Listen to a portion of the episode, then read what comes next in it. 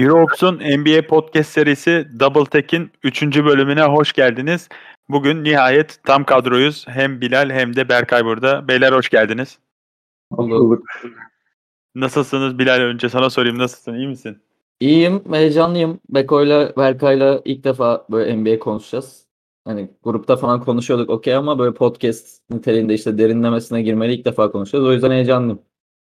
Ben de aynı şekilde e, üç, ikinizle birlikte olmak bana keyif veriyor. Berkay sen neler düşünüyorsun?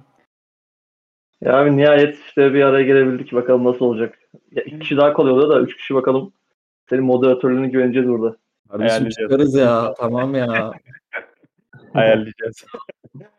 evet, hiç vakit kaybetmeden e, bence başlayalım ve e, Brooklyn Nets ile başlayalım. NBA'in e, yine her zaman olduğu gibi çalkantılı takımı Brooklyn Nets.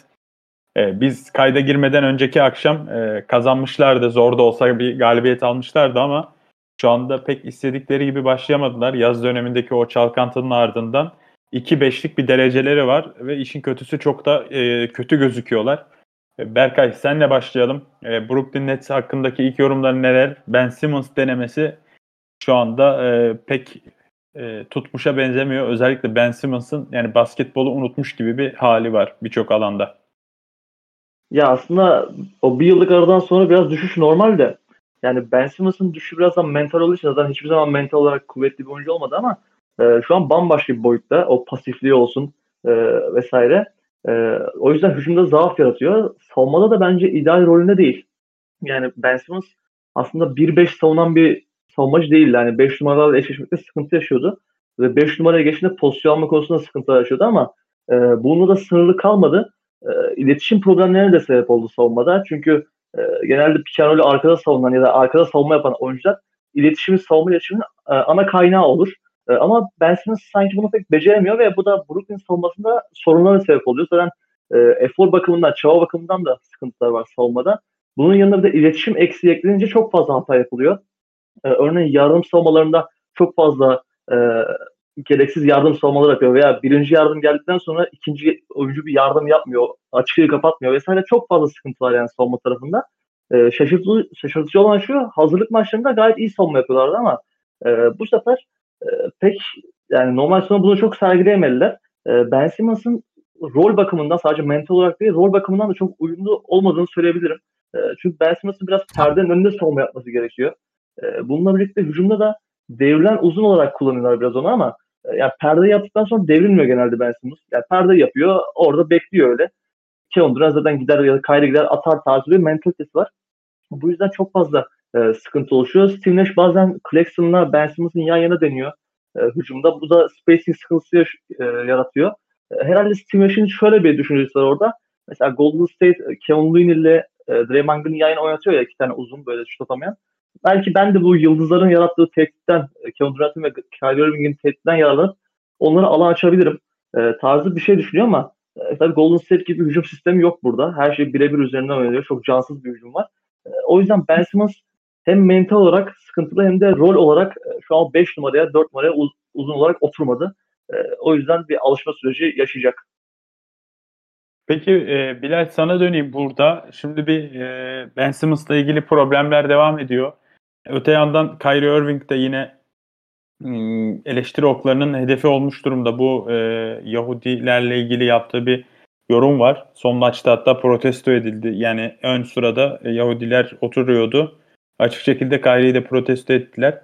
Ya bu kadar sorunlu bir kimyaya sahip olan takımın bir noktada işleri toparlayabileceğine sen inanıyor musun? Ya açıkçası inanmıyorum çünkü bence bu takımın sorunları kronik. Hani baktığımız zaman bu takımın şu an saha içinde yapamadığı, bariz şekilde yapamadığı çok belli şeyler var. Hani bunların başında da savunma geliyor. E, savunma reytinginde şu an 29. Brooklyn Nets. Yani bunun yanında e, takımda rebound alan, düzenli şekilde iyi rebound alabilen bir oyuncu da olmadığı için e, şu anda NBA'in en az e, savunma rebound alan takımı da Brooklyn Nets. Hatta şöyle bir istatistik vereyim hani rakiplerin kaçırdığı 10 şutun 4'ünü geri yine rakipler alıyor. %64 ile savunma rebound alabiliyor Brooklyn Nets. Hani zaten kötü bir savunma takımısın. Bir de yani kaçan şutların 10'undan 4'ünü geri rakibe veriyorsun. Daha fazla savunma pozisyonu e, yaşamak zorunda kalıyorsun. E, kötü savunma olduğun için de o pozisyonlar bir, bir noktadan sonra sana sayı olarak geri dönüyor. Bunun da hani takımdaki personele baktığımızda ne bu savunma konusunda ne, ne de rebound konusunda çok büyük bir gelişim yaşanacağını düşünmüyorum sezon içinde. Hani kadronun böyle kaldığını düşünürsek. E, çünkü hani Nick Claxton okey zıp uçan kaçan bir oyuncu ama savunma bilgisi konusunda çok eksiği var. İşte perimetrede zaten Ben Simmons harici neredeyse hiçbir oyuncunun ne fiziksel bir şeyi var ne denir ona e, direnci var ne de böyle bir savunma bilgisi yüksek oyuncular var. E bench'ten gelen oyunculardan işte Royce O'Neal'a bir pik yaktılar bu yaz. Royce O'Neal mesela Utah düzeni içerisinde iyi bir savunmacı olarak gözüküyordu ama hani Brooklyn'de o da şu anda savunma konusunda en azından e, sahaya çok bir şey yansıtamadı bence. Bu yüzden bu sorunlar kronik o- olduğu için hani kadroda bir değişim yaşanmadan e, bir Brooklyn'in de ileri adımlar atması çok zor görünüyor bence. Hani şu an tabii ki Samuel'in de 29. olmaları işte 7 maçlık 8 maçlık bir sample size'a göre değerlendirmek biraz adil olmayabilir ama göz testi olarak da çok kötü Brooklyn. Hani maçları izlediğinde savunma zaten hani koç bunu basketbol koçları da sürekli söyler. Savunma yarısı efor neredeyse tarzı hani eforun çok önemli olduğu bir kısım. E, takım sahada hani hiçbir şekilde bu eforu vermeye yönelik bir ışık vermiyor bana açıkçası. E zaten yaz döneminde yaşanan sıkıntılar belli. E, kadronun kimyasının olmadığı belli. İşte kadronun belini bağladığı iki yıldız oyuncunun ne kadar sorunlu karakterler olduğu belli. Bu yüzden hani kadroda bir değişim yaşanmadığı sürece bu personelle ben bu kronik sıkıntıların devam edeceğini düşünüyorum. Hani Brooklyn'e sene öncesi podcast'te daha böyle olumlu baktığımızı söylemiştik ama orada birazcık işte Ben Simmons'tan umudumuz vardı. E, Simmons da kötü başlayacağı bir tık belliydi aslında. Yani bizim umudumuz sezon geneline yayıldığı zaman bir umudumuz vardı. Çünkü bu adam yani en son basketbol oynadığında Trey Young'ın üstünden turnike atamadığı için Philadelphia 76ers playoff serisi kaybetmişti. Yani o günden beri sahaya çıkmayan bir oyuncunun zaten ritim bulması, eski gücüne kavuşması falan bunlar hani zaman alacak şeyler ama hani diyelim ki Ben Simmons en, en iyi haline geri döndü. Onun yapacağı etki bile savunmada ve reboundlarda hani e, bir perimetre oyuncusunun bir savunmaya yapacağı, perimetre savunması savunmacısının savunmaya yapacağı etki her zaman daha düşük çaplı oluyor bir uzundansa. Bu yüzden hani bir bu kadar kötü bir savunmayı tek başına toparlayabilecek bir oyuncu değilsiniz. Okey katkı verir ama toparlama konusunda belli bir seviyeye getirme konusunda yeterli olmaz bence. Ben o yüzden Brooklyn Nets'in sezonundan çok ümitli değilim. Peki Berkay sana bir soru sormak istiyorum burada. Şimdi Kevin Durant e, sezona iyi girdi diyebiliriz. Yani eski gücünde değil artık. Muhtemelen artık hani o sakatlıkların da etkisiyle olamayacak gibi de duruyor ama yine de gayet iyi girdi sezona. Ama e, yani bu takas dedikodularının ardından tekrar bir süre sonra onun hani bu iş gitmiyor beni gönderin artık ben oynamayacağım tarzı bir çıkış yapabilir mi sence? Ya ben o çıkışı aslında Kevin Durant'ten beklemiyorum. Yani Kevin Durant'in iş alakı bence gayet kuvvetli. Hatta bu takımda en kuvvetli e, isim olabilir o açıdan. E, o yüzden en azından sezon içerisinde böyle bir şey beklemiyorum ama e, sezon sonunda hani bu sene de bir son bir kurşun attılar ve işe yaramadı. E, sezon sonunda 2023 yazında böyle bir sistem bekliyorum. Çünkü o da artık kariyerin son demlerine yaklaşıyor. E, ve Brooklyn'de heba etmek istemeyecektir kariyerinin son dönemini. O yüzden sezon içerisinde olmasa da sezon sonunda ben Kevin Durant'in bir sistem edeceğini düşünüyorum eğer başarıya ulaşamazlarsa. Peki e, şöyle sorayım e, ek olarak da e, bu takımın iş ahlakı yüksek olan en en yüksek olan oyuncusu Kevin Durant. Ya bir yerden sonra peki kendi takımı içerisinde masaya yumruğunu vurabilir mi? Beyler hani ben sizi sırtlayacağım ama şu saçma sapan işlere bir son verin tarzı bir çıkış yapabilir mi? Ya Kevin Durant işte sıkıntı orada başlıyor Kevin Durant'ın sıkıntısı. Biraz kendi halinde bir adam gibi. Yani e, tabii soyma onunla birlikte değiliz. O yüzden ne kadar e, bilgim olabilir bu konuda bilmiyorum ama e, sanki bu LeBron gibi hani böyle yumruğunu e, mas- e, masaya vuran bir adam değil. Daha çok hani sahaya çıkıp işini yapan sonrasında kafasına takmayan bir oyuncu izlenim veriyor bana hep. E, o yüzden böyle bir şey de beklemiyorum şahsen Kevin Durant'ten. Peki Bilal sana döneyim burada. Ee, Steve Nash'in eleştiri oklarının altında olduğunu biliyoruz. Hatta yaz döneminde e, Kevin Durant'in takıma dönmek için Steve Nash'in kovulmasını şart koştuğu haberleri de vardı. Dedikodular da vardı bu yönde. E, sezona da iyi giriş yapamadı Brooklyn ve tekrar bu konu hortladı gibi gözüküyor. Son maçlarda da işte bir e, sinirini kaybe e, kendini kaybedip atıldığı bir maç var. Orada hatta soyunma odasına giderken de bayağı bir esip gülüyor Nash. O da biraz kontrolü kaybetmeye başlamış gibi gözüküyor. Sence o, bir koç değişikliği olabilir mi Brooklyn Nets'te? E, ve eğer bu koç değişikliği olursa bu onları nasıl bir yönde etkiler? Yani bence Steve Nash zaten bu sezon kovulan, en erken kovulan hani koç olabil, olma ihtimali çok yüksek. En erken olmasa da ikinci, üçüncü sırada falan kovulacağını düşünüyorum ben. Çünkü hani Steve Nash'in koçluk kariyerine baktığımızda şu ana kadar bize ne normal sezonda ne de playofflarda işte bu maçlara ani etki etme olsun playoff serilerinde, adjustment'lar olsun ya da normal sezonda belli bir savunma ve hücum şeması oturtma olsun. Bu konularda Steve Nash bize hiçbir şey göstermedi şu ana kadar. Yani bize Brooklyn Nets'i e, dağınık oyunuyla, işte süperstarlarına bağlı oyunuyla, basit setleriyle, basit savunma şemalarıyla izledik şu ana kadar. Steve Nash'in böyle bu konuda çok bir etkisi olmadı. Kötü bir koç olduğunu düşünüyorum zaten ben şu an kariyerinin bu evresinde en azından. Hani Jason Kidd de mesela kariyerinin koçluk kariyerine çok kötü başlamıştı. Çok fazla eleştiri alıyordu. Geçen sene Dallas'la bir şekilde toparladı. Özellikle ne kadar iyi bir savunma koçu olabileceğini gösterdi. Hani Steve Nash de kariyerinin ilerleyen dönemlerinde böyle bir değişim yaşayabilir ama şu an için hakikaten çok kötü bir koçluk sergilediğini düşünüyorum ben Brooklyn Nets kariyeri boyunca. Ee, kadro da tabii ki kolay kolay kadro, yönetilmesi kolay bir kadro değil ama hani dediğim gibi Steve Nash'ten de hiçbir şey görmedik. Bu yüzden ben kesinlikle sezon içinde bir koç değişimi yaşanacağını düşünüyorum. Özellikle ise sen de bahsettin abi. Yaz döneminde de Kevin Durant zaten açık açık demişti hani Steve Nash varsa ben yokum tarzı. Steve Nash ve Sean Marks yönet- genel menajer.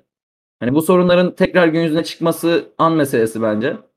E bu noktada da artık Brooklyn'in vazgeçeceği isim çok belli. Hani Steve Nash'ten vazgeçersin tabii ki böyle bir durumda. O yüzden çok uzun süreli vakti kaldığını düşünmüyorum Brooklyn'de. Hani görev alabilir mi? Herhangi başka bir takımdan görev bulabilir mi? Ondan da şüphelerim var ama hani gelecek için dediğim gibi Jason Kidd'e bakınca ön- önümüzde böyle bir örnek olunca gelecek için belki iyi bir koç olabilir ama şu an için asla bu seviyelerde bir koç olduğunu düşünmüyorum açıkçası. Peki Berkay sana döneyim. Ee, burada şimdi bir problem var. Ee, çözümü biraz zor gözüküyor. Ama sonuçta sezonda hızlanmaya, hızlanarak devam ediyor. Brooklyn Nets'in biz kayda girdiğimiz akşam bir maçı daha olacak. 2-5 ile başladılar. Doğu Konferansı oldukça e, güçlendi bu sene bence. Onlar için e, playofflar yani sana göre yüksek bir ihtimal mi? Yoksa play'inden bir kapak atmaya mı çalışırlar? Hani yani sezonun gidişatı konusunda Brooklyn Nets'i nerelerde görüyorsun? Ya aslında şu an bir şey söylemek için erken çünkü e, şu an puan durumları çok suni. Özellikle batıda ama doğuda da mesela Wizards, Hornets falan, Indiana Pacers bunlar e, Brooklyn'in üstünde yer alıyor ama bunlar yavaş yavaş düşecektir. E, ben sezon ilerleyen dönemlerinde böyle oynama alışkanlığı da elde eder. Çünkü e, baktığımızda Kevin Durant, Kyrie Irving bile yan yana oynamadı. Ki Ben Simmons'la ekleyince bu üçlü neredeyse hiç bir- birlikte oynamadı. E, o yüzden bu üçlünün e, oynama alışkanlıkları elde edince e, biraz da ısınacağını düşünüyorum ki bir yerden sonra bireysel yetenekler devreye girecektir. Çünkü sezon ilerleyen dönemlerinde e, takımların o kolektif çabası saha içerisinde düşüyor. Mesela şu an e, Indiana Pacers'lar, Washington Wizards'lar şu an daha çok bir kolektif çabayla oynuyor. Ama sezon ilerleyen dönemlerinde yorgunluklar devreye girince bireysel yetenekler daha çok ön plana çıkmaya başlıyor. E, bu yüzden Brooklyn'in ben orada e, sıyrılıp diğerlerinden en azından 6. sıraya falan e, zorlayacağını düşünüyorum. E, hala ben direkt playoff'lara katılabilecek kadar e, şanslar olduğunu düşünüyorum şahsen. Bilal Berkay daha e, daha toz pembe diyeyim bir tablo çiziyor Brooklyn için ama benim anladığım sen biraz daha karamsar taraftasın ki yani bilmiyorum senin düşüncelerini ama ben de onların bu kadar sorunlu yıldızlara sahip bir takımın e, sezon ilerledikçe ve böyle bu tarz mağlubiyetler aldıkça daha da dağılacaklarını düşünüyorum. Sen neler düşünüyorsun diyeyim ve senin görüşlerin ardından da Brooklyn'i biraz toparlayalım. Ya benim karamsarlığım normal sezondan çok playoff için. Hani ben playoff'a bir şekilde yer alacaklarını düşünüyorum playoff sahnesinde. Ee, direkt de yer alabilir. Hani ilk dörde gireceklerini düşünmüyorum da 5'ten 6'dan da girebilirler. Play-in'den de girebilirler. Bir şekilde atacaklarını düşünüyorum kendilerini playoff'a da. Hani çok kötü bir playoff takımı olacaklar bence. Çünkü çok fazla zaafları var. Çok belirgin zaafları var ve hani doğuya baktığımız zaman artık özellikle ilk 4 sırada işte Dark Rivers hariç Hani neredeyse bütün koçlar belli bir seviyenin üstünde. Bu yüzden o zaafların üstüne gidebilecek, o zaafları ortaya çıkarabilecek çok fazla e, malzemesi olan takım var. Bu şekilde bakarak benim karamsarlığım var aslında. Hani Brooklyn Nets'in çok kötü bir playoff takımı olacağını düşünüyorum ama playoff'a kapak atma konusunda e, büyük sıkıntı yaşayacaklarını düşünmüyorum. Çünkü Berkay'ın da dediği gibi hani zaten üstten düşen takımlar olacak. E, bireysel kalitenin normal sezonda getireceği maçlar olacak sana illaki ekstradan. Bu yüzden hani karamsarlığım benim daha çok playoff sahnesi için. Yoksa playoff'a bir şekilde kapak atacaklarını ben de düşünüyorum.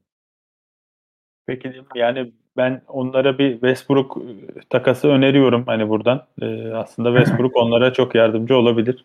Bilmiyorum düşünürler mi ama yani Brooklyn için çarenin Westbrook'ta olacağını düşünüyorum ben. Ufak şey Kyrie'nin mevzusundan bahsettin ya sen. Bu antisemitik evet, evet. bir açıklama yapmış. Ufak onunla ilgili bir şey söyleyeyim ben de sonra kapatalım olmadı Brooklyn'i. Yani bu antisemitik şeyler söyleyen ünlülere yapılan muameleye baktığımızda işte Kanye West'in de geçenlerde böyle bir açıklaması oldu. Bu yönde bir açıklaması oldu ve sonrasında büyük sponsorlarının Kanye'den çekildiğini yani Kanye ile yapılan anlaşmayı bozduğunu gördük. Ki Kanye West'in ne kadar sıkıntılı bir karakter olduğunu hani az çok rap dünyasıyla ilgilenen insanlar biliyordur. Bundan önce ne kadar falso hareketi oldu ama hani böylesine büyük bir yaptırımla karşılaşmamıştı Kanye West.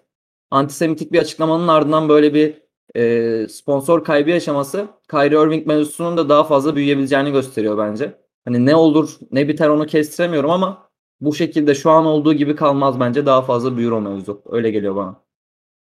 Ben de az önce burada hani Westbrook derken yani tabii ki Kyrie Westbrook takasından bahsetmiştim yaz dönemi olacağı gibi ama ya Kyrie gibi bir adamın yani hali hazırda zaten e, hani saçma sapan hareketler yapma potansiyeli çok yüksek bir adamın e, bir grup tarafından bu kadar topun önünde tutulmasına onda e, suları daha da kaynatacağını düşünüyorum onda. Hani bir anda çok saçma bir açıklama yapıp ben gidiyorum bir ay yokum falan diyebilir böyle.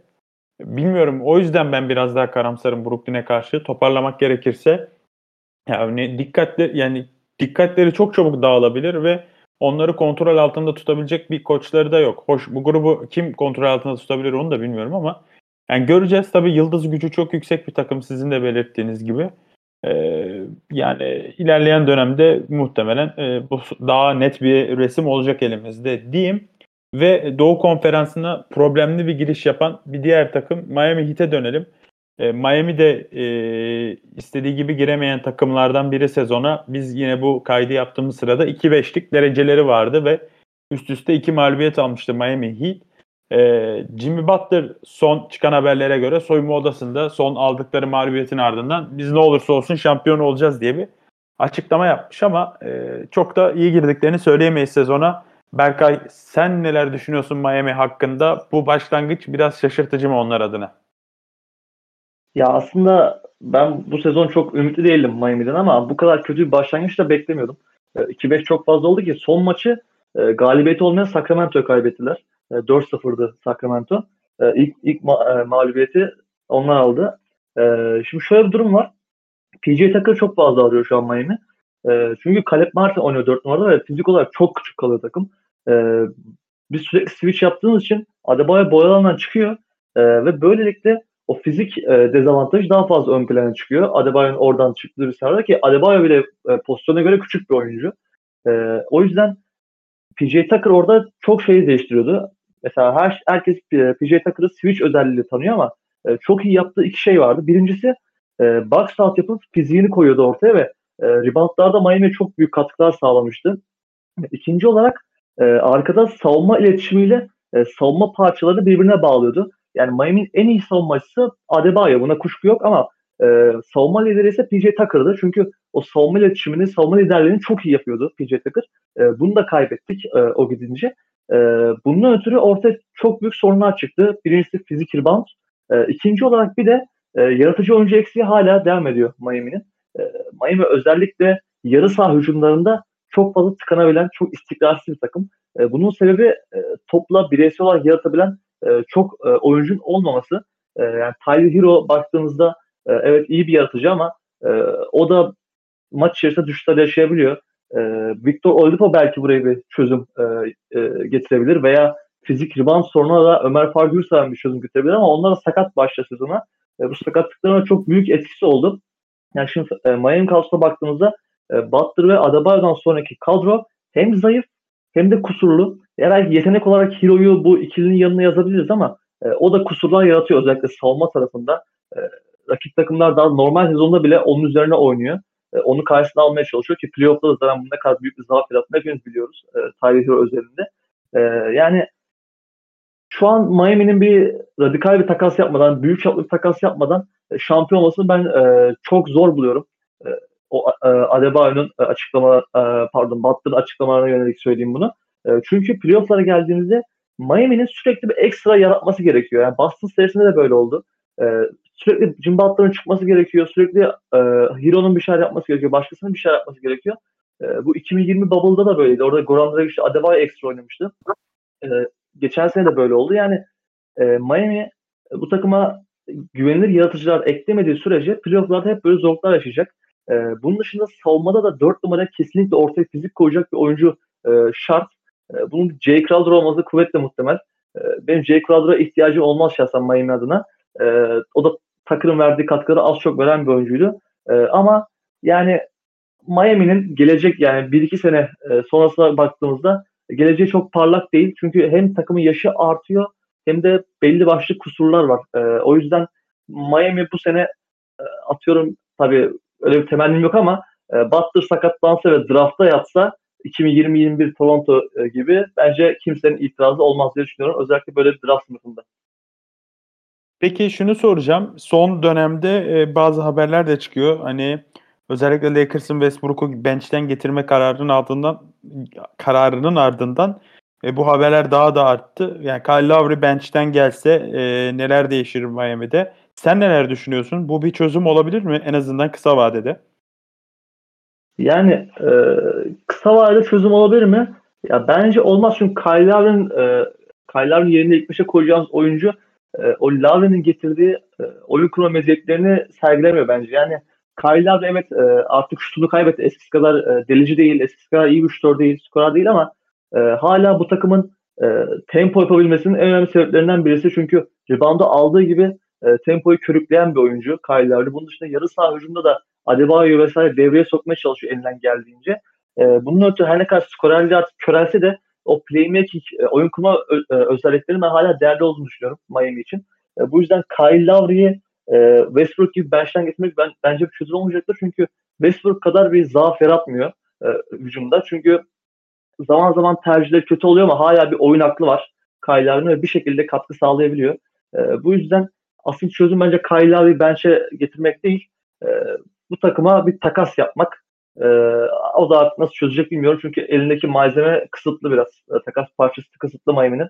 O da artık Petra ile kalmış bir durum.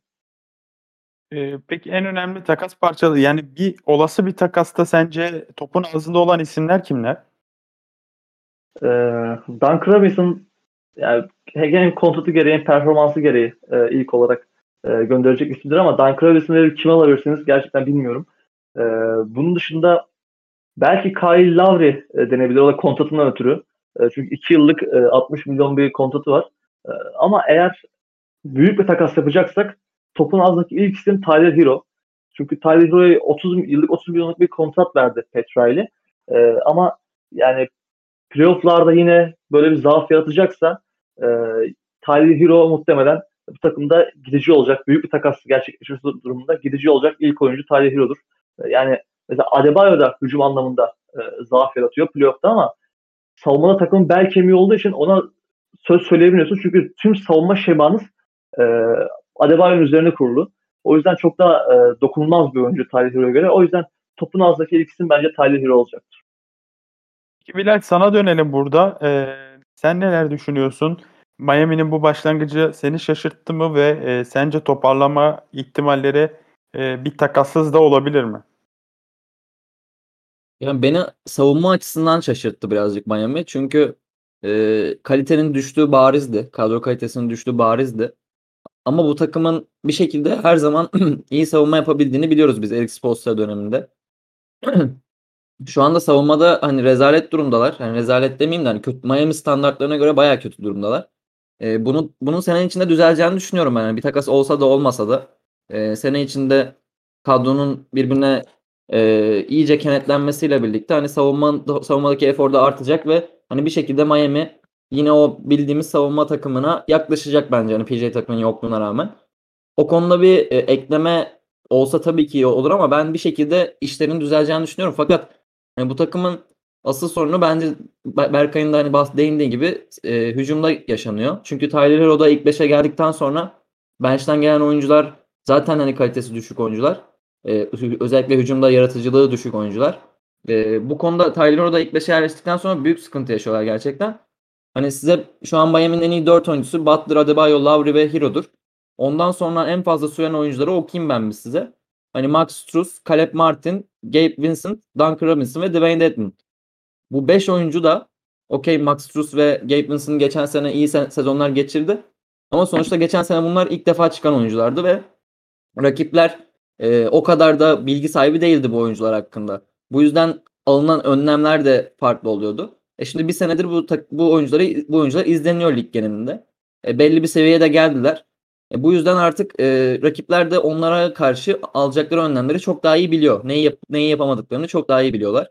E, bu yüzden de zaafları daha çok ortaya çıkıyor. Çünkü baktığımızda ikisi de ham yetenek konusunda, basketbol konusunda e, çok böyle üst düzey isimler değiller. Rol, rol oyuncusu standartlarından bahsediyorum. E, üst düzey değiller. Yani sistem içinde geçen sene bir şekilde kendilerine yer buldular. E, ve rol oyuncusu haline geldiler. Ama şu an baktığımızda takımın ana hani bu dört oyuncusundan sonra gelen oyuncular bunlar. O yüzden üst, üst, yüklerinde üstlerindeki yük de arttı. E, ve şu an hani onu kaldırmak için de gerekli yeteneğe sahip değiller bence. E, çok fazla zaaf yarattıkları alanlar var çünkü. E, bu konuda Miami'nin net bir şekilde işte Jay Crowder olur bilmem ne olur başka bir oyuncu olur. Takas dönemine yakın işte düşen e, piyasaya düşen yeni rol oyuncuları olur. Ne bir şekilde kadronun bu 5. 6. 7. oyuncularını doldurması lazım bence. E, aksi halde hani hücumda bir gelişmeyi ya da e, playoff'ta böyle iddialı olmalarını e, çok böyle geçen seneki gibi konferans finalini zorlayıp işte NBA finallerine bir şut uzaklıkta kalacak kadar ilerlemelerini falan birazcık zor görüyorum bu sene. Hani sezon öncesi podcast'te de bahsetmiştik. Eric Spoelstra'nın belki de son yıllardaki en zor elindeki en zor kadro bu diye. E, hakikaten de öyle. Hani her sene bir Gabe Vincent ve Max Strus çıkarmak çıkarmasını bekleyemezsiniz sonuçta. Şapkadan e, tavşan çıkarmasını bekleyemezsiniz Eric Spoelstra'dan da. Bu yüzden hani Miami'nin e, Miami'de de Brooklyn gibi hani Brooklyn kadar şey olmasa da felaket olmasa da kadronun yapısında personelinde bir tık sorunlar var. E, bunlar da hani bir eklemeyle özellikle hücum tarafında bir eklemeyle çözülecek gibi durulmuyor. Durmuyor. E, Adebayo'dan bu konuda bir gelişme bekleniyordu aslında. Hani sürekli bekleniyor. Bu Bubble'daki e, yükselişinden sonra Adebayo'nun daha etkili bir hücum oyuncusu olması her sene bekleniyordu ama Adebayo da o konuda hani hep hayal kırıklığına uğrattı. Bütün NBA NBA'yi genel olarak. O konuda asla bir dominant bir hücum oyuncusuna dönüşemedi henüz. Ee, bakalım hani sene içerisinde belki onun gelişimi bir şeyler getirir takıma. Ama hani dediğim gibi benim çok umut, ümitli değilim açıkçası bu Miami için. Şimdi bu arada yani biz kayıttayız ama şu anda Steve Nash'in de kovulduğu haberi geldi. Borj ve Shams sırayla tweet attılar. Ee, tahminimizin bu kadar hızlı tutmasını ben beklemiyordum. Dinleyicilerimiz muhtemelen dinlediklerinde hani bu haberin üzerinden e, birkaç saat geçmiş olacak ama bunu da hani haber olarak ekleyeyim. Steve Nash ile Brooklyn Nets'in yolları ayrıldı. Ayrılığında karşılıklı olduğunu yazdı Borj. Yani ayrılık talebinin karşılıklı olduğunu yazdı. Nash de bıktı herhalde artık bunlarla uğraşmaktan diye düşünüyorum ben. Vallahi Çok ben kısa. de bu kadar hızlı gerçekleşmesini beklemiyordum bu tahminimin. Yani 10 dakika önce konuştuğumuz konu gerçek oldu. Brooklyn'e hani tekrar dönmeyeceğim. Zaten koç değişikliğini ikiniz de bekliyordunuz. Ben de bekliyordum. Ee, bu haberi bir iletmek istedim. Berkay sana şöyle döneceğim. Bilal'den şu şekilde alıyorum pası. Adebayo'yu soracağım sana. Yaz döneminde e, Adebayo'nun hücum konusuna çok odaklandı. İşte şu anda tam sayısını hatırlamıyorum ama belli sayıda şut kullanıp belli sayıda da e, foul çizgisine gelme hedefi olduğu çok yazılıp çizilmişti ama e, hani şu an çok kısa bir bölüm geride kaldı belki ama Adebayo'da hücum anlamında gerçekten çok kötü gözüküyor. Yüzdeleri de baya bir düşük. Sen neler düşünüyorsun bu konuda? Ya aslında Adebayo çizgiye geliyordu bu arada ama e, yani hücum agresifliği anlamında e, bir sıkıntısı. Aslında ben Adebayo'nun böyle sürekli şut kullanmasını isteyen bir değilim açıkçası. E, çünkü e, çok şut kullanmanın e, zorlama şutları beraberinde getireceğini düşünüyorum. E, o, o ikisi arasında bir e, hücum agresifliği ve zor şut kullanma arasında bir ince bir çizgi var. Adebayo genelde bunun e, diğer tarafına geçiyor. Olumsuz olan tarafına geçiyor ve zorlama şutlar e, kullanıyor. Orta mesafe bölgesinde el üstü şutlar kullanıyor. E, ben Adebayo'dan daha çok e, çembere gitmesini istiyorum aslında. Çünkü Adebayo bunları yapabilen e, bir oyuncu. E, yani karşındaki uzunlara göre genelde ayak çabukluğu ve e, top hakimiyeti yüksek. E, bunun ötürü topu o orta mesafe bölgesinde alıp yüzünü potaya döndüğünde e, savunmacısının sağdan soldan topu vurup çembere gidebilecek e, bir oyuncu.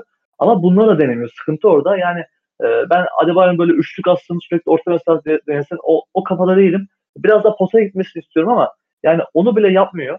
E, yani mental e, durumlar bunda da var. Yani Ben Simmons kadar olmasa da Adebayo'da da bu durum var. Adebayo'da şöyle bir sıkıntı var. Yani maça iyi başlarsa yani o ilk iki şutu girerse devamını getiriyor. G- girmezse bir anda içine sinin, siniyor. Yani böyle bir oyuncunun üzerine bir hücum kurmak da imkansız, güvenmek imkansız.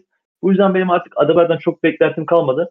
O 2020 bubble performansından beri çok bekliyordum bu e, patlamayı yapmasını ama artık ondan da bir e, beklentim kalmadı. E, yani o yüzden ben o Adebayo eşi atlayacağını düşünmüyorum. Daha çok savunma tarafıyla ön plana çıkan bir oyuncu olarak kalacaktır. Zaten 25-26 yaşına geldi. Peki son olarak Berkay, e, Jimmy Butler'ın hani burada bir kafayı kırıp bu takımın yani zaten çok e, vokal bir lider Jimmy Butler ama hani böyle net bir açıklama yaptıktan sonra bunun altını doldurup takımı sırtlayabileceğini düşünüyor musun sen? Ya düşünüyorum açıkçası ben playoff'ta da bunu gördük. Ee, ama yani 82 maç boyunca sadece Butler'la gitmez bu iş. Ee, Butler'ın destek bulması şart. O destek de kimden gelecek bilmiyorum ama yani Butler bunu söylediyse muhtemelen altını dolduracaktır ki yani ilerleyen bölümlerde 2-5 yapacağını sanmıyorum ben Miami'nin. Yani %50 civarına ulaşacaklardır illaki. Ee, yani ki şu an Victor Oladipo e, ve Ömer Farcı Yusuf'un yokluğu da biraz etkiliyor az önce söylediğim gibi. Tam kadro olduğunda kadro e, tekrardan görmek lazım çünkü yani geçen maç mecburen Udonis Haslem falan oynadı. E, yani bir tam kadro olduğunda herkes sağlıklı haline geldiğinde bir tekrardan görmek lazım. Yani ama sırf Butler'ın çabasıyla bu iş gitmez. O yüzden destek de gerekiyor. Peki Bilal sen neler düşünüyorsun Brooklyn hakkında? Ay, özür dilerim çok pardon. E, Miami hakkında hani kısaca bir e, görüşlerini toparlayacak olursak sence onlar e, işleri olumlu yönde çevirebilecekler mi? Yani ben direkt playoff'a kalacaklarını düşünüyorum bir şekilde. Çünkü Eric Spoelstra var sonuçta. Yani bu çok birçok takımın önüne atıyor seni. E, ama playoff'ta iddialı olma konusunda işte playoff'a nasıl bir kadroyla gireceklerini görmemiz lazım abi bence. Şu anki kadroyla mı girecekler? Yeni bir ekleme olacak mı? Hani o zaman tekrar konuşmak lazım. Şu eldeki kadroyla geçen seneki kadar rekabetçi kalabileceklerini düşünmüyorum playoff'ta ama. O zaman Miami kısmını da toparlayalım. Hani ben de ufak bir iki cümle söyleyecek olursam ben daha olumlu bakıyorum. Ee, bir takas yapacaklarını ben de düşünüyorum. Özellikle hani bir yerde domino efekt başlayacaktır Wembanyama ve e, işte e, diğer drafta katılacak isimler için birçok takım kadrosunu dağıtacak. Orada takas piyasası çok hareketlenecek. Domino etkisiyle ben Miami'nin e, güzel bir takas kotaracağını düşünüyorum. Ve e, ben hiçbir zaman Jimmy Butler'ın liderliğindeki bir takımı karşıma almak istemem playofflarda. Doğu'da bence sorun yaratacak bir takım e, diyorum Miami için ve e, Boston Celtics'e geçeceğim. Doğu'nun e, zirvesinde yer alan sezona da iyi giren, iyi girdiğini söyleyebileceğimiz bir takım Boston Celtics. Şu anda hani biz kaydı yaparken 4-2'lik bir dereceleri var. Jason Tatum'da, Jalen Brown'da özellikle sezona inanılmaz girdiler ki e, önemli de eksikleri vardı Boston'ın. Bu başlangıç e, beni açıkçası şaşırttı. Bilal sen neler düşünüyorsun Boston Celtics'in sezona girişi hakkında? Beni şaşırtmadı açıkçası. Ben bekliyordum iyi bir giriş. Ee, özellikle sezonun ilk iki maçı e, Philadelphia ve Miami'ydi sanırım yanlış hatırlamıyorsam. Arada başkasıyla oynamadık diye hatırlıyorum. Ee, bu iki maçta da ben izlerken açıkçası daha olgun, işte o final tecrübesini daha fazla hissettiğim bir Celtics izledim. İki maçı da e, zaman zaman yakın geçti. Hani özellikle Philadelphia maçı yani iki maçta yakın geçti. Ama genelde önde götüren taraf Boston oldu ve e, geçen sene playoff'ta gördüğümüz gibi e, sürekli böyle hani Boston'ın rakibi geri dönecek bir şekilde maça ortak olacak. Bunu hissettiriyordu biraz geçen sene playoff'larında Boston. Ben o iki maçı da izlerken açıkçası Boston'ın çok sorun yaşamadan kazanacağını hissettim. Ne kadar maçlar yakın geçse de. Oyun hissiyatı olarak bana takım bunu geçirmeyi başardı. Ve burada da en önemli parça tabii ki Jason Tatum. Yani sezon öncesi podcast'te de söylemiştik. Hani Jason Tatum her sene oyununa fazla bir şey ekleyebilen bir oyuncu. İşte her her geçen senede işte pasörlük ekledi, şutunu geliştir, geliştirdi, kendi şutunu daha keskin bir şekilde yaratmaya başladı. Ee, bir sürü katman ekledi oyununa. Bu sene de sanırım hani bu zaten Mazula'nın da özel olarak istediği bir şey. Çembere çok daha kararlı ve hani keskin şekilde gidiyor. Çemberde de bitirme e, oranı, bir temasa rağmen bitirme oranı, işte floater'ları, özellikle floater oyununu çok geliştirmiş. Hani bu konularda bir adım ileri attığını görüyoruz Tatum'un.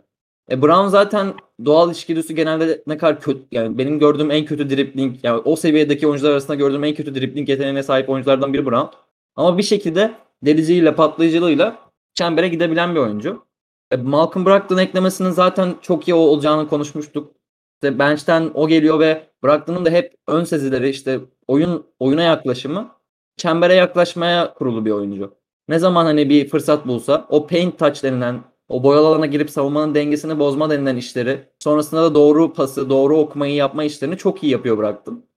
Ve Tatum ve Brown'u dinlendiriyorken e, Smart, My, White hani bu, oyuncu, bu tarz oyuncular oyunda değilken e, sahada Malcolm Brogdon gibi bir sigortayı bulundurabilmek hakikaten büyük bir lüks. Özellikle şampiyonluk hedefleyen takımlara baktığımızda bench'ten Brogdon kalitesinde bir oyuncu getirebilmek bir tek belki de Boston Celtics'e nasip olan bir lüks şu an NBA'de. O da hani hakikaten etkisini çok iyi şekilde gösterdi. Ama dediğim gibi hani bu başlangıcı bir yerden okuyacaksak bence bu hani Jason Tatum'un e, oyununa bir seviye daha bir katman daha katmasından maçında e, maça çok iyi başladı. 3 çeyrekte yanlış hatırlamıyorsam 31 sayıya mı ne gelmişti? İşte yalnızca 2 şut kaçırdı uzun süre falan. O şekil gitti. E, son çeyrekte bir tık e, sindiğini gördük işte. Playoff'ta e, geçen sene özellikle Miami serisinde ve Bucks serisinde ba- bazı maçlarda yaşadığı o oyuna yeterince ağırlığını koyamama şeyini Kez maçında da gördük. Ama açıkçası beni bu çok endişelendirmiyor. E, çünkü hani Kez zaten sezona çok iyi başladı. İşte Donovan Mitchell yeni bir takımda Rudy Gobert'den kurtulmanın verdiği özgüvenle ve fazla çok iyi bir basketbol oynuyor. Hani o maç normal sezonda kaçabilecek bir maç. Hani off gecesi dersin. Geçersin yani. O çok beni karamsarlığa düşüren bir maç olmadı açıkçası.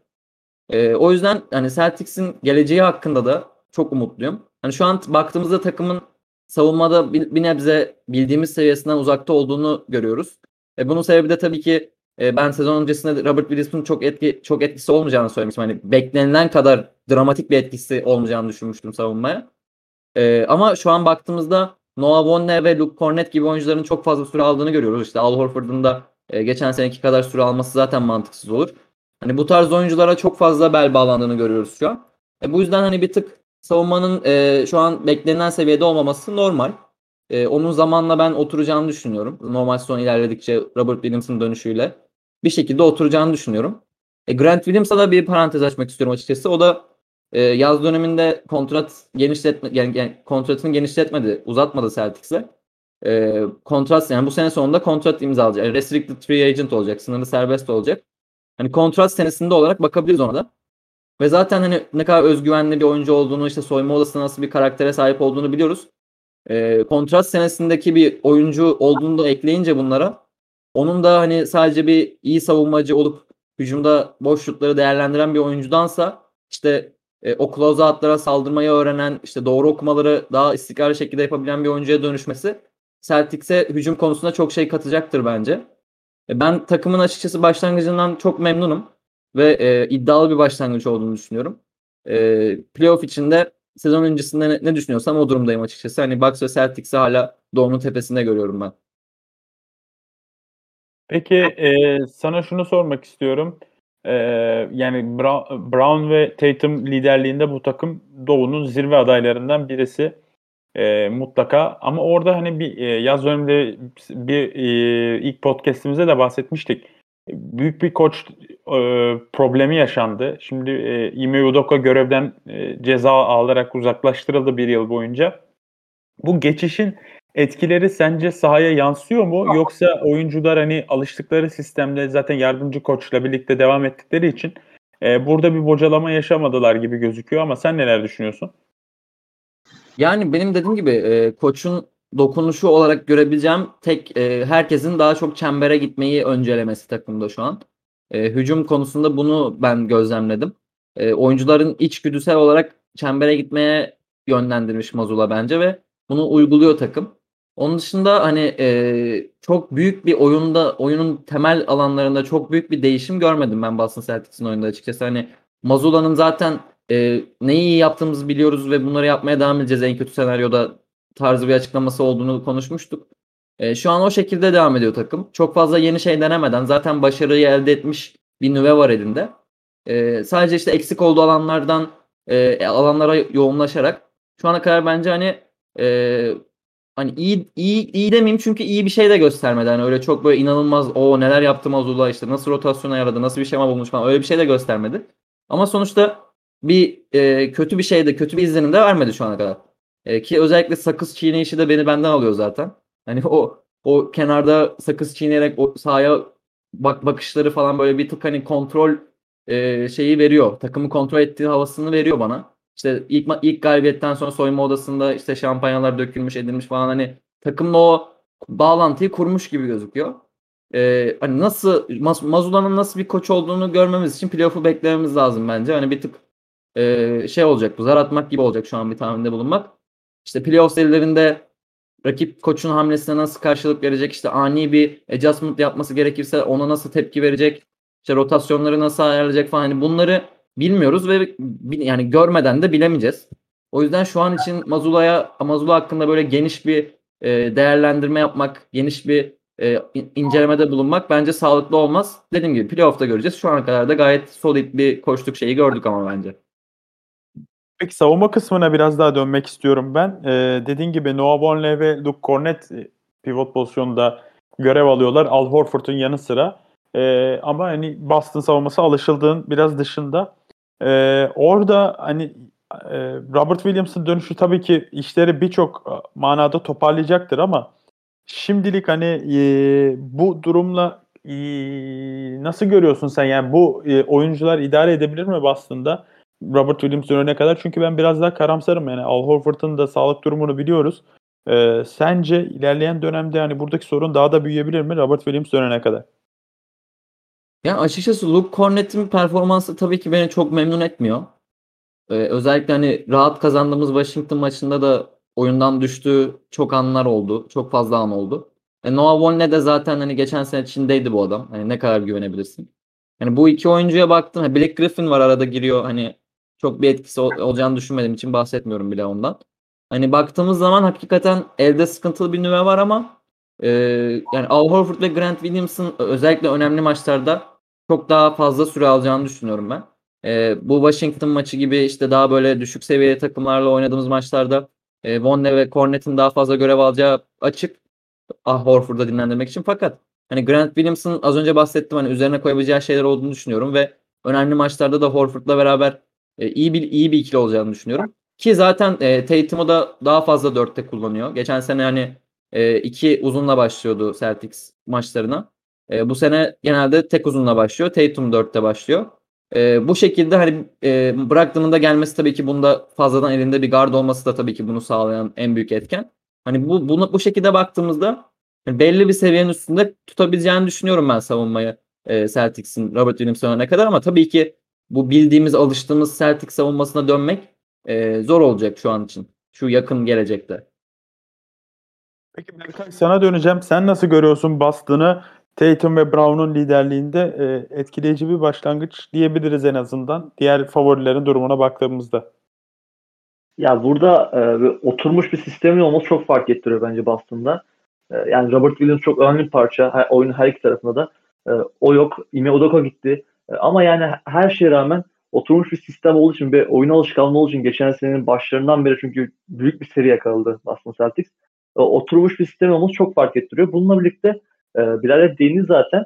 Bu çembere baskı yapma, çemberi zorlama işini e, bu sene daha fazla yapıyor e, Boston Celtics. Özellikle Malcolm Brogdon da çok fark ettiriyor. Muhtemelen e, en fazla çembere atak yapan oyuncudur e, Boston Celtics'te. E, bunu Dennis Schroeder da yapıyordu. Kemba Walker da yapıyordu geçen yıllarda ama Malcolm Brogdon'un farkı şu e, çembere atak yaptığında etrafındaki oyuncuları görebilen oyun aklı yüksek bir oyuncu. Bu yüzden e, sadece çembere değil etrafındaki opsiyonları da görebiliyor ve çok böyle e, çeşitlilik katıyor Boston Celtics hücumuna ve topu eline teslim edebileceğiniz güvenilir bir oyuncu haline geldi. E, mesela Dennis Schroeder'da vesaire bir tedirginlik yaşıyordunuz ama Malcolm Brogdon'da hiç öyle bir tedirginlik yok. Oyun aklı gerçekten çok fark ettiriyor ki tam kadro olduklarında ve playoff ortamında bence bunu daha fazla göreceğiz. Ee, bunun dışında ve Jason Tatum dakikada da çok iyi idare ediyor orada. Onu da belirteyim. E, bunun dışında Boston savunması e, yani kendi standartlarının altında ama e, ben ligi kötü savunmalarından ya da ortalama savunmalarından biri olduğunu düşünmüyorum. Yani hala ortalama üstler bence. E, çünkü e, bir efor sarf ediyor. Marcus Smart vesaire. E, yani elit değiller ama rakibi zor şutlara itiyorlar. Muhtemelen e, en az boş şut fırsatı tanıyan e, takımlardan birisidir Boston Celtics rakiplerine. E, bunun dışında fiziksel olarak hala çok ağır basıyorlar rakiplerine. E, ve bunun üzerine Robert Williams ekleyince tekrardan elit seviyeye döneceklerdir. Çünkü o Robert Williams arkadaki kaleciliği e, çok önemliydi onlar için çember savunmasında. Onu kaybetmeleri biraz daha hani Luke Cornett'le şu an drop savunması falan oynamaya çalışıyorlar ve e, ellerinden geleni yap- yapıyorlar. E, elit değiller e, ama ben şu an Boston savunmasını kötü görmüyorum şahsen. Onlar için e, yani doğuda şu anda bir boşluk oluştu gibi gözüküyor. Sixers e, bir şampiyonluk adayıydı doğu tarafından. Onlar Embiid merkezinde çok iyi giremediler sezona. Miami keza öyle. E, şu anda hani biraz işler e, Milwaukee Bucks e, Boston Celtics arasında geçecek gibi gözüküyor. Tabii bir de Cleveland Cavaliers'ın iyi bir başlangıcı var. Sen neler düşünüyorsun? Boston açısından yani gerçekten doğu şampiyonluğu mu realistik hedef? Ya bence evet çünkü yani Boston Celtics karşısında ben çok beğeniyorum şahsen çünkü e, yani savunmada rakiplerini direkt bozan bir e, takım ve işler sıkılaştığında yani playoff ortamı yaklaştığında savunma tarafı bence daha çok ağır basıyor e, basketbolda. Yani direkt savun, rakibin e, aksiyonlarını bozan, rakibi farklı oynamaya iten yani kendi oyun stilinden uzaklaştıran bir takım olduğu için Boston Celtics e, bence en güçlü, eli en güçlü takım doğuda onlar ve bunun dışında hücumda Jason Tatum gibi, Jalen Brown gibi sorun çözücülerin olması da üstüne Malcolm Brogdon gibi bir oyun aklının eklenmesi bence ellerini çok kuvvetlendiriyor. E, koç, e, tamamen koçtan bağımsız söylüyorum. E, Boston Celtics bence de onun favorisi net. Bilal sen neler düşünüyorsun bu konuda? Ben Bucks'ı bir tık önde görüyorum açıkçası sezon başlangıcı itibariyle. Ee, çok iyi başladılar çünkü sezonu. Hani onları büyük ihtimalle haftaya falan konuşuruz. Ee, şu an detaylı girmeyeceğim fakat hani Bucks'ı bir tık önde görüyorum çünkü Middleton'ın da döndüğü senaryoyu düşünürsek, sağlıklı bir şekilde döndüğü senaryoyu düşünürsek hani hakikaten kora kor bir mücadele bekliyor hani her şeyin doğru gittiği senaryoda. Bucks Celtics konferans finali çok şu an olası gözüküyor Doğu'da. E, Bucks'ı çok ufak bir adım önde görüyorum açıkçası. Favori diyemem şu an Celtics'e. Ben son olarak bir e, şunu söyleyip Celtics hakkındaki düşüncelerimi bitirmek istiyorum. Yani 30.8 sayı, 7.3 rebound, 3.5 asist, %55, %40, %90 Jason Tatum MVP sezonu hayırlı olsun. Görüşmek üzere. Tabii sen gidiyorsun galiba ama. Bu kadar daha falan diyor. Ben bu arada sezon önceki programımızda da söylemiştim bence Jason Tatum bu sene MVP adayının önemli adaylarından birisi olacak diye. Şu ana kadar da bunun altını dolduracak stilde bir performans e, gösteriyor. E, son olarak hani Boston Celtics kısmını toparladıktan sonra bir de e, geçtiğimiz sezonun çaylakları bu yılın sophomore'ları 2021 draftında seçilenlerden biraz konuşmak istiyorum. Hemen çok hızlıca bir e, Joshua Primo yorumu almak istiyorum ikinizden de. Berkay senle başlayayım. Spurs'un e, büyük umutlarla geçtiğimiz sezon draftta seçtiği Joshua Primo e, kısa süre önce takımdan gönderildi. 12. sıradan seçmişlerdi. Yani büyük bir umut besliyorlardı ona. Kısa süre önce takımdan gönderildi. E, kadınlara karşı birden fazla kadına karşı teşhircilik yaptığı söyleniyor Primo'nun. Ve o da bir süre basketboldan uzak kalıp bu psikolojik problemlerine odaklanacağını söyledi. E, büyük aslında büyük bir haber. E, sen neler düşünüyorsun Berkay? Kısaca yorumunu alayım Primo hakkında. Ya aslında yaptığı şey hakkında çok fazla şey düşünmüyorum yani. Gerçekten çok uygunsuz bir davranış. Yani Antonio Spurs'tan kaybedeceği bir şey yok Joshua Primo'yu yollayarak. E, atıyorum bu sene Malaka Brannan'ı alarak Joshua Primo'nun yerini doldurabilirler. Doldururlar hatta. Ama Joshua Primo burada kaybeden taraf. E, ama hani o psikolojik sorunlarının farkına varması, bunun yanlış bir davranış olduğunu ve üstüne gidecek olmasının e, farkına varması bence güzel. E, bunun dışında bir de haber çıktı geçen gün. Birkaç takım şu an Joshua Primo'nun durumunu izliyormuş. Yani ellerinde fırsat olsa Joshua Primo'yu takıma kat, katacaklar muhtemelen. Artık hangi takımı, Charlotte Hornets mu bilmiyorum ama e, yani bence bu kadar çabuk bu haberin çıkması bu davranışın üstüne beni çok şaşırttı. E, Sonuçta söyleyeceklerim bu kadar. Bence çok yorum yapılacak bir konuda değil o yüzden çok söyleyeceğim bir şey yok açıkçası. Ben de dediğin gibi yani bir, e, bu kadar çok ta- birden fazla takımın bu durumu yakından izlemesine şaşırdım. Bilal sen neler düşünüyorsun? Ya Abi kabul edilmeyecek bir hareket tabii ki. Yani Spurs'un yaptığını doğru buluyorum açıkçası. Başka bir takımın kontrat vermesi de bence asla hani kabul edilebilir bir şey olmaz Josh Primo için. Yaptığı şeyin yani izah edilebilecek bir tarafı yok. Yani ligden uzak olması daha sağlıklı olur bence herkes için. Ee, peki şeye dönelim yani 2021 draftının seçilenlerine dönelim. Ee, sezona çok iyi başladılar. Tabii ki yani e, Kate Cunningham birinci sıra seçimi e, inanılmaz oynuyor. E, onun yanı sıra yine Jalen Green olsun Houston Rockets'ta Alperen'le birlikte. Alperen gerçi hastalığından dolayı birkaç maç kaçırdı ama e, o, Scotty Barnes yine Evan Mobley e, onlar acayip girdiler sezon. Franz Wagner herkese e, sakatlanana kadar e, hem Jalen Sachs hem Josh Giddey bence iyi top oynuyordu. Yine işte Trey Murphy olsun, Trey Mann olsun, e, Keon Johnson olsun. Özür dilerim. Keon Johnson, Keldon Johnson'la karıştırdım bir an. Bunlar hani sezona çok iyi girdiler. E, Bilal senle başlayalım bu kez. 2021 draftının sophomorları e, acayip oynuyorlar. Sen neler düşünüyorsun? Öne çıkan sence e, en, bu oyuncular arasında en çok sence kim ön plana çıktı? Ya bu konuda Berkay benden daha bilgilidir. Fakat benim hatırladığım kadarıyla 2021 sınıfına işte Cade hariç böyle çok büyük bir yıldız var potansiyeliyle bakılmıyordu diye hatırlıyorum. Hani genel olarak böyle ortalama NBA oyuncuları gelir işte hani e, belli bir takım yani iyi bir takımın 3. 4. oyuncusu olabilecek oyuncuların bulunduğu bir draft olarak bakılıyordu yanlış hatırlamıyorsam. Yani o beklentileri biraz aştı bu draft sınıfı baktığımızda. E, Cade Cunningham'ın zaten ne kadar özel bir yetenek olduğu geçen sezonun ikinci yarısından beri belliydi. Bu sezonda hani ipler tamamen neredeyse onun elinde. İşte Boyan Bogdanovic'in gelmesi özellikle hücumda onu çok rahatlatıyor.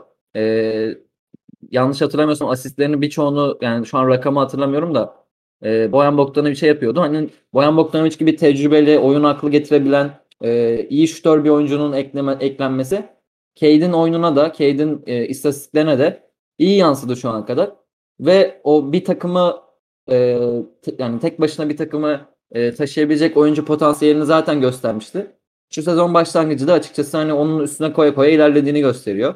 E, Scotty Barnes'ın ben açıkçası geçen sezondan sonra e, nasıl desem böyle NBA'nin iyi 10 oyuncusu vardır ya.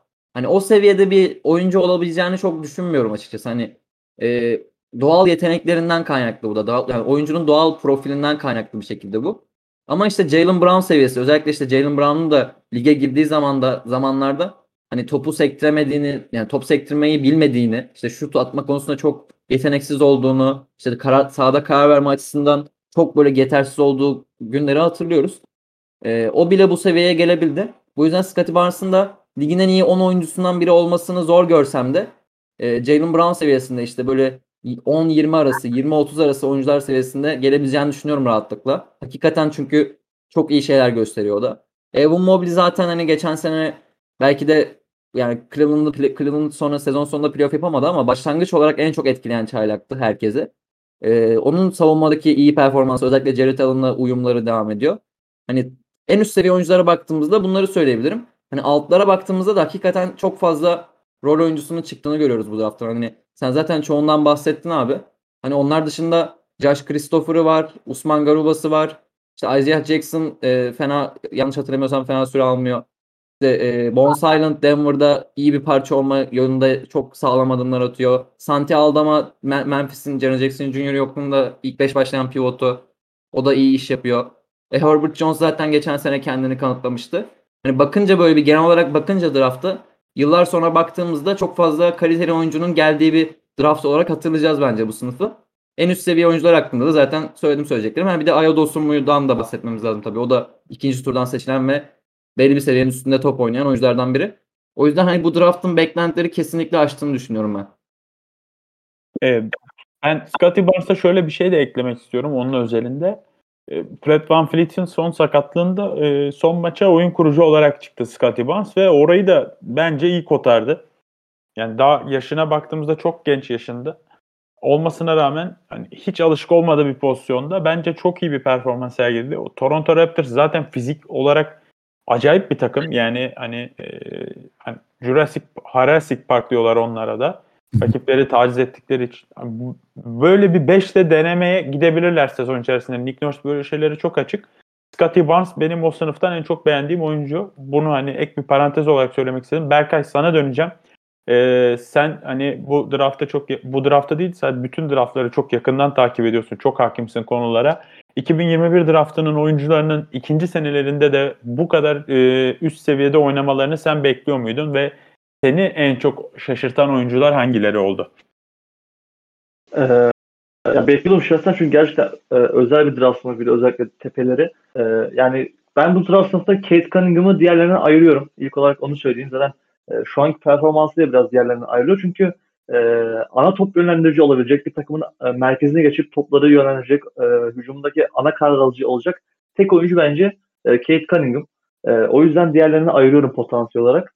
E, bu sene zaten e, kendi böyle eksik yönlerine doğru yönelmeye başladı. Örneğin çembere baskı üretemiyordu. O ilk adımı çok hızlı olmadığı için çembere gitmekte, e, e, boyalarına girmekte zorlanıyordu ama bu sezon o açıdan biraz daha agresif davranıyor. Bunun dışında e, hücumda çok fazla takım arkadaşını oyuna sokmaya, oyuna dahil etmeye çalışıyordu. E, bu sezon onu biraz da dengeledi. Hem skor anlamında daha agresif e, hem de pasörlük bakımından, arkadaşlarını dahil etme bakımından daha akıllıca oynuyor. O yüzden biraz da dengeli. E, bir şu dış şutunu geliştirdiği zaman, daha istikrarlı oynadığı zaman e, çok özel bir oyuncu evrilecek. Onun dışında e, Jalen Green'e değinebiliriz. Çok özel bir e, skorer potansiyeli var bence Jalen Green'in. Yani hem atletizm hem yetenek e, hem de şut kombinasyonunu e, aynı oyuncu olmak e, kolay olmuyor. Bu üç e, anlamda da e, elit bir oyuncu ama şöyle bir sıkıntısı var. Houston'da çok karmaşık bir düzen var. Yani çok düzensiz bir takım. E, onun biraz şanssızlığını yaşıyor. Alperen Şengin de onun şanssızlığını yaşıyor biraz. E, o yüzden yüzdeleri vesaire verimliliği düşük. Ama Houston biraz daha böyle düzene girince, biraz derli toplu olunca muhtemelen Jalen Green e, o yapılanmanın ana oyuncusu olacaktır. O yüzden e, onun da potansiyelini diğerinden biraz farklı görüyorum. E, Mobley ve Scotty Barnes'ı diğerlerine ayıran özellik şu. Yani bazı oyuncular vardır. E, çok nadir gelir. Hani bulamazsınız eşini benzerini çok fazla. E, Scotty Barnes ve Evan Mobley de aslında o tür oyunculardan. Yani Scotty Barnes gibi oyuncu çok fazla yok. Evan Mobley gibi savunmacı, e, çok yönlü oyuncu çok fazla yok. E, hem fiziksel profillerinden hem de yeteneklerinden çok yönlülükleri ötürü böyle bir durum oluştu. E, onlar bir takımın ana oyuncusu olacak kadar yükselmeyeceklerdi bence. Özellikle Scotty Barnes'ın e, gelişim süreci biraz daha böyle Yanis gibi uzun sürebilir. E, ama çok özel oyuncular olacakları kesin. Çünkü e, onların bir ikamesini bulmak biraz zor. E, onun dışında Franz Wagner zaten e, bir ikinci oyuncu olarak Paulo Banchero'na çok özel olacak. E, o, onu da çok yönlüğünden bahsedebiliriz. Onun dışında arkalardan e, Alperen Şengün mesela ondan bahsedebiliriz. Alperen Şengün şu an e, yani kötü bir ortamda yer alıyor. E, Koç Stephen Silas onu biraz farklı bir rolde denemeye çalışıyor. Devre uzun olarak denemeye çalışıyor. Kendi oyunundan farklı bir oyun evrilmeye çalışıyor. E, ya da ikinci e, beşte başlar ondaki ilk beşteki kaliteli oyunculardan ayırmaya çalışıyor. Bu yüzden biraz e, kötü bir ortamda şu an Alperen Şengün. Ama Stephen Silas gittiğinde e, muhtemelen Alperen de e, özel oyunculardan birisi olacaktır. Onun dışında Trey Murphy mesela e, bu sezon e, muhteşem bir çıkış gerçekleştirdi. Çok özgüvenli oynuyor. E, yani hem tepeleri çok güçlü bu draftın. Yani Kate Cunningham, Jalen gibi, Green gibi yıldız oyuncuları var. Hem de e, Trey Murphy olsun, Alperen Şengün olsun, Herbert Jones olsun, e, Dosun mu bile hani bu drafttan çok e, iyi yan parçalar, tamamlayıcı oyuncular var. Bununla birlikte Austin Reeves de, Jose Alvarado da bu draft sınıfından, Sam Hauser da bu draft sınıfından. Yani e, gerçekten çok özel bir draft sınıfı olmaya yolunda ilerliyor. E, bu yüzden ben zaten bende yeri ayrıdır bu draft sınıfının. E, böyle en net takip ettiğim draft sınıfı diyebilirim. E, o yüzden seviyorum yani bu draft sınıfını. Pot potansiyeline umutluyum.